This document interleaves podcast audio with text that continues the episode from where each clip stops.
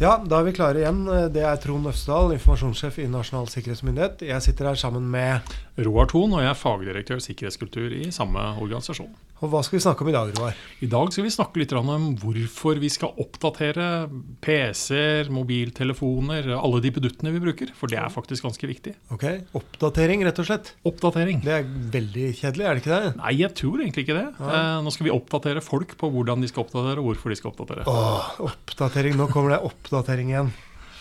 Ja. Hva gjør vi da? Da er det sånn at eh, i de aller fleste situasjoner nå så er det produsenten av ulike ting som ber oss om å oppdatere. Ja. Og det bør vi faktisk ikke utsette. Ja, og, og det jeg har lagt merke til, er at flere og flere lar det ikke være opp til eh, deg og meg å bestemme. Vi får ikke noe valg lenger. Og det jubler vi faktisk for, for det tar bort litt sånn den menneskelige atferden vekk fra noen av de utfordringene her. Ja. Men fortell litt, da. Hva er, eh, hvorfor er det så viktig, og hva er det vi bør forstå og gjøre? Ja, hvis vi tenker på liksom det vi bruker da, av teknologi, så er det ja, vi kaller det duppeditter. da. Så bes- inneholder de programmer og programvare, rett og slett kode. da. Og ingen kode er perfekt. Det vil alltid være forbedringspunkter. Ok, Eh, Så noen ganger så får vi oppdateringer som rett og slett bare forbedrer produktet. Ja. Gir oss flere muligheter, flere bruksområder. Og andre ganger så kommer det rene sikkerhetsoppdateringer som rett og slett gjør produktet sikrere fordi man har oppdaget at her er det hull, da, sårbarheter, Mm. Ja. som eh, kan utnyttes av eh, ja, Igjen kaller vi det hackere, da. Eller Ja. andre. Men det jeg har lagt merke til er at sånne folk som jobber mye med datasikkerhet, de er opptatt av å snakke om sårbarheter. Og jeg har skjønt at sårbarheter det er rett og slett feil i programvare. Ja, altså teknisk sett så kan det være feil, som vi sier. Så feil i kode, feil i hvordan man har satt disse tingene opp imot hverandre. Ja, et eller annet som gjør at det ikke virker sånn Ja. som det var tenkt. Men vi kan også ha menneskelig feil. ikke Ja, sant? ja, ja. Så det kan være en sårbarhet at vi som mennesker faktisk da utsetter å oppdatere. Ja, Men Så- det er en, det er en Ja, egen Det er en egen greie. Ja. Ja. Eh, men hvis jeg skulle prøve å forklare en slags sånn livssyklus da, til en sårbarhet da, eller, eller en feil, eh, så bruker man et begrep som eh, ja, Vi kommer jo til å bruke masse rare begreper i denne podkasten vår, men, men så skal vi samtidig forsøke å forklare hva som ligger bak. Men eh, innenfor fagtermologien så har man noe man kaller en nulldagssårbarhet. Det er til syvende og sist en sårbarhet, altså et feil, eller en feil, som ingen egentlig nesten vet eksisterer, og det ikke fins noe oppdatering for den. Ja, ok. En Det er feil altså som ingen- ingen har oppdaga ennå. Ja, Altså. rett og slett.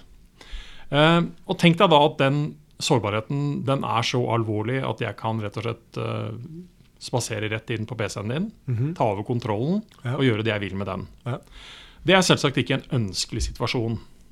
Den sårbarheten den kan i verste fall bare være kjent for noen få, kanskje bare ett land, et lands etterretning, som faktisk sitter og vokter på den sårbarheten ganske eh, Det er viktig for dem. Ja. Og de bruker ikke den mot tusenvis av mennesker i ulike situasjoner. De bruker den helt målretta. De sparer den. De sparer den fordi Ja. den er viktig, den har en verdi for dem. Ja, Den skal de bruke når de virkelig trenger Når de det. virkelig trenger det. Ja. Men dersom da denne sårbarheten allikevel kommer ut, da, Ja. enten gjennom at det rett og slett er noen forskere som finner ut at her er det faktisk et, eh, et hull, en feil i dette produktet, eh, så starter det en litt annen sånn eh, runde rundt det. Eh, og avhengig av hvorvidt de som finner ut dette her, er det vi kaller altså igjen, hackere.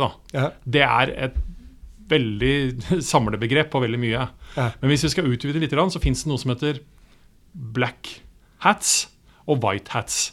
Og svart er de på mange måter onde, og de hvite er de good guys. ok.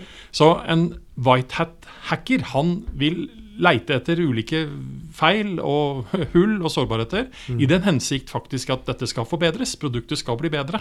Ja. Så når han finner dette sårbarheten og hullet, så går han og varsler fra til produsenten, som da kan altså sette i gang og se på dette her, og komme med en oppdatering. Litt som et sånn asfaltselskap som nå om sommeren er rundt og lapper hull i veiene. Rett og slett. Ja. Eh, Den svarte delen av denne blackhatten han vil rett og slett eh, sette i gang og se om han kan utnytte den sårbarheten til f.eks. kriminelle ting eller andre. Mhm. Men så kommer det som da er viktig å forstå. Når en produsent eh, får vite om dette hullet, uansett på mange måter hvordan de oppdager det, Mhm. Eh, Og i hvert fall de seriøse de begynner jo selvsagt å se på hvordan kan vi tette denne, dette hullet. Det Ja. er jo lite ønskelig både for brukerne våre og for alt fra omdømmet til selskapet og produktet i seg selv. Mhm. Da setter de i gang med å skrive rett og slett ny kode ja. som skal sendes ut til oss. ja. Som skal tette hullet. Ja. Når de sender ut den koden, Mhm. så sender de ikke bare på mange måter den teknologiske oppdateringen som tetter igjen hullet, men de selger også informasjon om hullet. Ok. At det eksisterer, ok. hva denne oppdateringa nå skal fikse. Ja. eh, og det er veldig mye tekniske data rundt det. Det betyr at hvis ingen da visste om dette hullet fra før av, så blir de i hvert fall klar over det da. Da blir de i hvert fall klar over det. Ja. Så det som da skjer, det er at man egentlig har en hel bransje med Og det er IT-bransjen, sikkerhetsbransjen. Ja, de sitter på mange måter og venter litt grann bare på at den patchen skal komme, og Ja. Mm. sørge for å få oppdatert det. Men den motstanderen av IT-bransjen, eller sikkerhetsbransjen, altså Ja. kjeltringene, Black hats. ja, de begynner å skrive sine egne koder Mm. for å se hvordan de nå kan utnytte det hullet, den sårbarheten, som de forrige dagen ikke visste eksisterte. Nå vet de det, de har fått masse detaljer. Ja. Hvordan kan vi utnytte dette til vår fordel? Ja. Og det er her kappløpet begynner. Ja, for da veit jeg at det sitter en gjeng med sånne personer som ikke syns at oppdatering er noe moro. Ja. Og vi utsetter det. Det Det passer oss er ikke. markedet for disse folka. Ja. Og de finner andre systemer som de også kanskje kan se på. Ok, dette kommer kanskje ikke til å bli oppdatert med det første, Ja. så de utnytter det. Ja, hva gjør de da? Nei, altså de rett og slett, de er jo glupe, glupe folk som, eh, som kan både skrive kode og gjøre mange, mange lure ting. Så de, de, de finner rett og slett måtene å utnytte dette på. Ja. Eh, og vi har jo snakket, tidligere snakket om eh, e-poster med vedlegg og linker for å forsøke å infisere deg. Ja. Og de skriver rett og slett en slags ny kode, ny mulighet for å se og utnytte hull Ja. i forhold til det. For å rappe penga dine. For å rappe eller- penger eller gjøre andre ting. Ja. Så det som er viktig for oss å forstå, da, det er at vi faktisk er i en slags kamp med klokka. Når vi egentlig får eh, nettopp varsle om at nå foreligger en oppdatering. Ja. Og hvis du på mange måter unnlater å oppdatere den, Mhm. Mm-hmm. så er øker sjansen for at altså, noen andre kommer og utnytter den sårbarheten. For det jeg tenker er at eh, hvorfor skal jeg oppdatere? Det har jo ikke skjedd noe gærent med min PC før denne oppdateringen. Men siden da en eller annen programleverandør da har plutselig fortalt om et hull, så vet alle om det. Så det er liksom fra de forteller til jeg har eh, oppdatert. Det Ja. er da det plutselig er. da skal vi i hvert fall være oppmerksomme og bekymra, for å si det Så sånn. det disse selskapene burde kanskje ha gjort, var å ikke si det til noen og bare håpe at dette gikk kjempefint. Jo, men samtidig så er dette litt mer sånn komplekst, da, fordi at man, eh, man trenger å tette hull. Ja. Og man trenger å informere om hva denne nyoppdateringen gjør. Fordi Kanskje ikke så mye for oss som forbrukere, men husk på at det befinner seg en hel industri og en kompleks eh, altså system bak der som med ting som skal fungere på helt andre måter. Ja. Eh, Det er ikke nødvendigvis at eh, et sykehus er like eh, happy for å oppdatere umiddelbart, for de ønsker å gjøre dette i kontrollerte former. Ja. Sånn at det rett og slett ikke systemet går ned, at Ja. denne patchen eller Ja, ja. oppdateringen de er jo ødelegger noe. midt i en hjerteoperasjon eller noe sånt. For eksempel. Ja. Men vi som forbrukere, Ja. vi har ingen grunn til å utsette å oppdatere. Men alle må oppdatere. Alle bør og må oppdatere. Ja.